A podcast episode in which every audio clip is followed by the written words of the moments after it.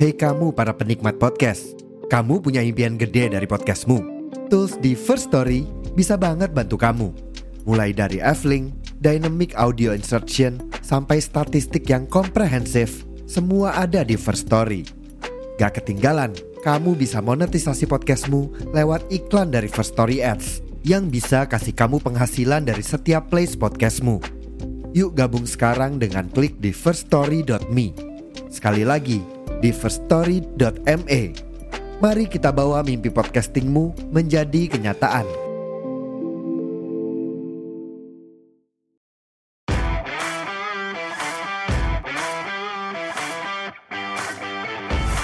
Halo, selamat datang di podcast Komik Indo. Kali ini gue mau ngebahas sebuah komik yang genrenya mixing antara action, romance, dan slice of life. Komik ini pakai salah satu budaya Betawi sebagai elemen penting di ceritanya. Komik yang mau gue bawain ini berjudul Jawara Sejati, karya Tanvis Tamam dan Raga Sukma.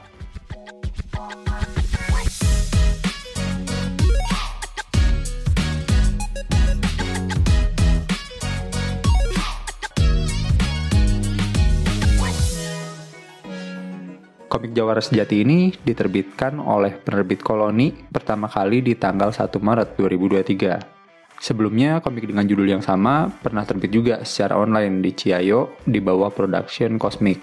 Cuma komposisi timnya beda dengan komik yang sekarang ini. Komik ini dapat rating 13 plus dari penerbitnya, yang berarti diperuntukkan untuk pembaca kalangan remaja lah ya, untuk premisnya, komik ini tuh menceritakan tentang perjuangan remaja Betawi yang jago silat untuk menggapai wanita yang dicintainya sejak lama.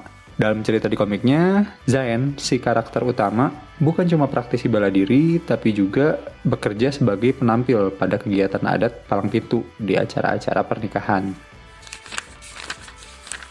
Oke, mungkin gue mau komentar mulai dari karakternya dulu kali ya ada tiga atau empat lah key karakter dari komik ini.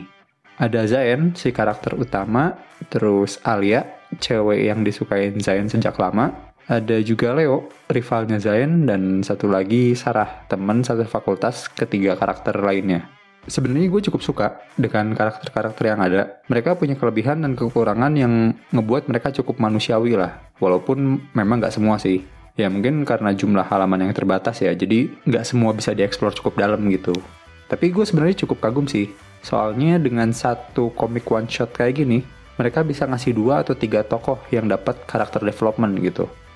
Cuma emang kalau boleh gue bilang sepertinya cukup rawan buat dapat kritikan dari para SJW sih. Soalnya karakter cewek di komik ini tuh Iya, mereka berperan dalam kemajuan plot cerita, tapi mungkin nggak dalam bentuk yang terlalu aktif gitu. Ya intinya, kalau misal komik ini tuh film, kayaknya belum lulus, ini gimana sih bacanya, Bechdel test deh. Cuma kalau gue pribadi, gue nggak terlalu masalahin itu ya. Soalnya buat gue selama karakternya cukup manusiawi dan bisa mewakili, gue oke-oke aja sih. Dan balik lagi, tergantung juga ke segmen pembaca yang ditargetin kan ya. Oke, lanjut ke universe-nya. Untuk settingnya sendiri, bisa dibilang komik ini pakai universe Indonesia di dunia nyata. Ya paling ada plesetan-plesetan dikit lah untuk nama-nama instansi tertentu. Tapi gue rasa hampir semua orang juga tahu deh apa yang dimaksud. Untuk setting waktunya sendiri, nggak terlalu dikasih tahu sih. Sebenarnya gue berusaha nyari dan nebak-nebak dari gambar yang ada ya. Kayak adakah ojek online atau sosmed gitu, tapi nggak terlalu kelihatan. Sama tadinya gue nyari tuh, mereka nyebut ujiannya apa gitu. Apakah SNMPTN, SBMPTN, UTBK? Sebenarnya kan bisa kelihatan ya, tapi nggak disebut juga. Jadi mungkin memang komik ini mau ngasih relatable jangka waktu yang cukup panjang sih buat pembaca. Yang bisa gue pakai buat hint paling kata-kata PMDK dan poster film Jurassic entah Park, World, yang ada pas mereka masih kecil. Tapi kayaknya di kisaran 2000-an ke atas sih dan masih relevan juga kok kalau misalnya mau ditarik ke zaman kita yang sekarang ini. Untuk kota yang dipakai ada dua, Jakarta dan Jogja. Gue tidak tinggal di kedua kota itu, cuma dari orang yang memang tinggal di sana, katanya gambar latar tempatnya cukup mewakilkan. Kalau gue pribadi, ngerasa vibes daerahnya justru dapat dari dialog. Kayak waktu Sarah kasih tahu soal kebiasaan di Jogja, obrolan senior-senior Zain di kampus dan ada satu lagi hal yang menurut gue cukup menarik tapi ntar deh gue bahas di sesi terakhir aja. Terus untuk plot ceritanya, gue pribadi ngerasa komik ini mau ngasih cerita yang cukup panjang. Tapi lagi-lagi, karena keterbatasan halaman untuk komik one shot, jadi pace-nya berasa lumayan cepet sih. Gue sih mikirnya kalau ini jadi dua atau tiga buku, lebih enak dan lebih banyak yang bisa dieksplor kali ya. Dan sebenarnya gue orang yang cukup sering protes dengan skip timeline yang berpengaruh besar buat plot. Ini tipis-tipis saja, tapi di komik ini tuh ada juga skip time-nya walaupun pendek. Cuma sebulanan lah. Nah, tapi di komik ini gue bisa amat sangat menerima skip timeline-nya. Sekalipun ini berpengaruh besar buat plot. Gue bisa nerima hal ini karena narasinya. Lagi-lagi tidak akan gue bahas sekarang karena spoiler. Terus untuk gambar, ini sebenarnya gue jarang sih ngomentarin soal gambar, soalnya nggak ngerti-ngerti amat. Tapi gue ngerasa adegan silat dan bertarung di komik ini tuh cukup meyakinkan gitu. Gue tidak paham dengan gerakan silat, tapi gue rasa komikusnya riset gerakannya cukup dalam. Atau entah apakah jangan-jangan dia juga praktisi silat gitu. Garis aksi yang dipakai di scene-scene pentingnya juga cukup asik sih buat gue. Terus juga di komik ini gue ngerasa Mas Raga ini suka mainin angle kamera gitu. Jadi ngambil shot adegan di panel nggak lurus doang. Kadang beberapa diambil dari bawah, dari atas. Ya, jadi berasa lumayan dinamis lah. Jadi, menurut penilaian gue, komik ini tuh komik yang secara pribadi gue suka. Tapi mungkin tidak untuk semua kalangan. Cuma kalau lu tipe orang yang senang sama komik action atau romance yang nggak cringe, gue rekomendasiin buat baca komik ini sih atau mungkin lu tipe orang yang suka budaya dan sejarah Indonesia menurut gue komik ini bagus banget sih.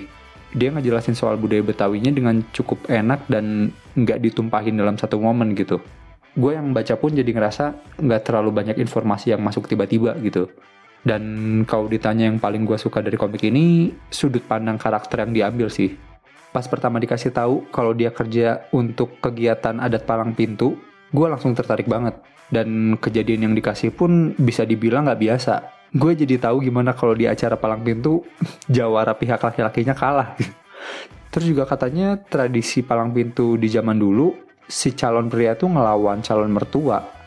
Anjir, kalau gue yang sekarang hidup sebagai anak Betawi di zaman dulu, kayaknya gue bakalan menjomblo lebih lama lagi dah.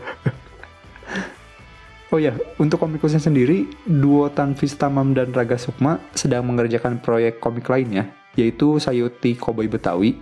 Komik volume satunya terbit berbarengan dengan komik Jawara Sejati ini, dan katanya komik Sayuti ini art satunya akan selesai dalam 4-5 volume.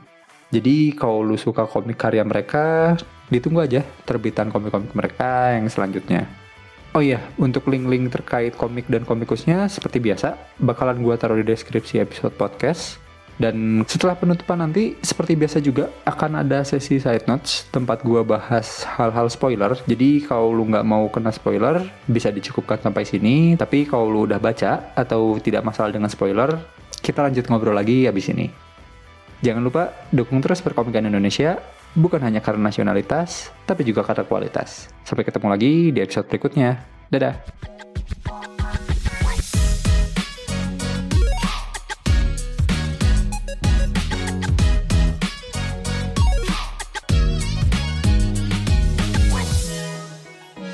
Side notes, ya mungkin gue mau coba mulai dari dialog yang menurut gue menarik dan menggambarkan kondisi kedaerahan mereka kali ya. Jadi di salah satu scene itu ada kan si Leo antagonisnya nyari masalah sama Zain. Nah, yang menarik ya buat gue adalah karena si Leo ini orang Jogja dan Zain ini orang Betawi. Jadi pas adu mulut itu Leo make aku kamu tapi Zainnya make gua lu. gua sendiri belum kebayang sih kalau adegan ini kejadian di dunia nyata bakalan kayak gimana. Tapi kalau dari balon dialognya jadi berasa Zain yang lebih galak gitu. Tapi memang seharusnya seperti itu kan. Ini bukan hal yang gimana-gimana, cuma buat gue menarik aja dan ngebuat gue mikir, iya juga ya gitu. Terus untuk time skip, sebenarnya bagian time skip ini bisa dibilang plot yang penting. Tapi dieksekusinya cuma dalam dua halaman aja. Dan surprisingly, gue menerima dan gue suka dengan bagian itu. narasi dari Mas Tamam soal gimana hati manusia, linglungnya anak muda, ditambah potongan gambar-gambar kejadian penting yang digambarin Mas Raga, gue ngerasa dua halaman ini apik banget sih. Terus juga soal kelebihan dari karakter, gue dibanding dua karakter utama si Zain dan Leo, yang memang kelebihannya jago gelut, gue lebih tertarik dengan Sarah justru. Yang entah ini mungkin versi gue doang, tapi dia punya kelebihan di sisi keteguhan hatinya gitu dan gue rasa pendiriannya si Sarah ini bisa jadi masukan cukup bagus sih buat para remaja sekolah atau kuliah yang emang lagi sering-seringnya ngalamin kejadian yang juga dialamin sama karakter-karakter di komik ini gitu. Walaupun ada juga bagian dari Sarah yang menurut gue cukup aneh lah. Jadi pas abis cekcok adu mulut Zayan dan Leo buat pertama kali, si Sarah kan ngasih tahu ya kalau Leo itu anak yang baik. Nah, pas dia ditanya sama Zayan, orang baik, tiba-tiba si Sarah bernarasi dong waktu itu kami masih SMA. Entah sih, mungkin pemilihan kata-katanya aja, cuma menurut gue cukup aneh. Tapi ya mungkin karena cewek ya, yang notabene lebih banyak bicara, ditambah dia juga anak sastra, jadi ya oke okay lah gue terima. Dan terakhir gue suka sama ending ceritanya yang gak klise. Sebenarnya klise juga gak apa-apa sih. Cuma di cerita yang bawa budaya bela diri daerah, apalagi lawannya bela diri dari luar, biasanya ending ceritanya tuh gue ngerasa banyak yang over proud gitu loh. Ya silatnya jadi menang lah orang-orang banyak yang jadi belajar silat atau semacamnya. Tapi di sini tuh enggak bahkan menurut gue yang cukup menarik lagi di komik ini tuh Zayn gak pernah satu kali pun dikasih shot dia menang bertarung. Walaupun di komik dia dibilang jago anak didik terbaik gurunya atau semacamnya tapi paling mentok dia tuh dikasih seri gitu. Ini nggak tahu kenapa tapi buat gue keren sih. Ya udah ya kayaknya udah lumayan panjang dan mungkin hal terakhir yang mau gue omongin paling gue mau balik ke scene awal di komik ini. Di mana Zain memilih untuk kuliah di Jogja karena Alia cewek yang dia suka akan berkuliah di Jogja. Menurut gue kalau lu milih jurusan atau kampus karena ngajar orang lain mending jangan deh. Peluang untuk terjadi hal yang tidak menyenangkan cukup besar soalnya. Enggak enggak enggak. Ini mah bukan nasihat ini curhat.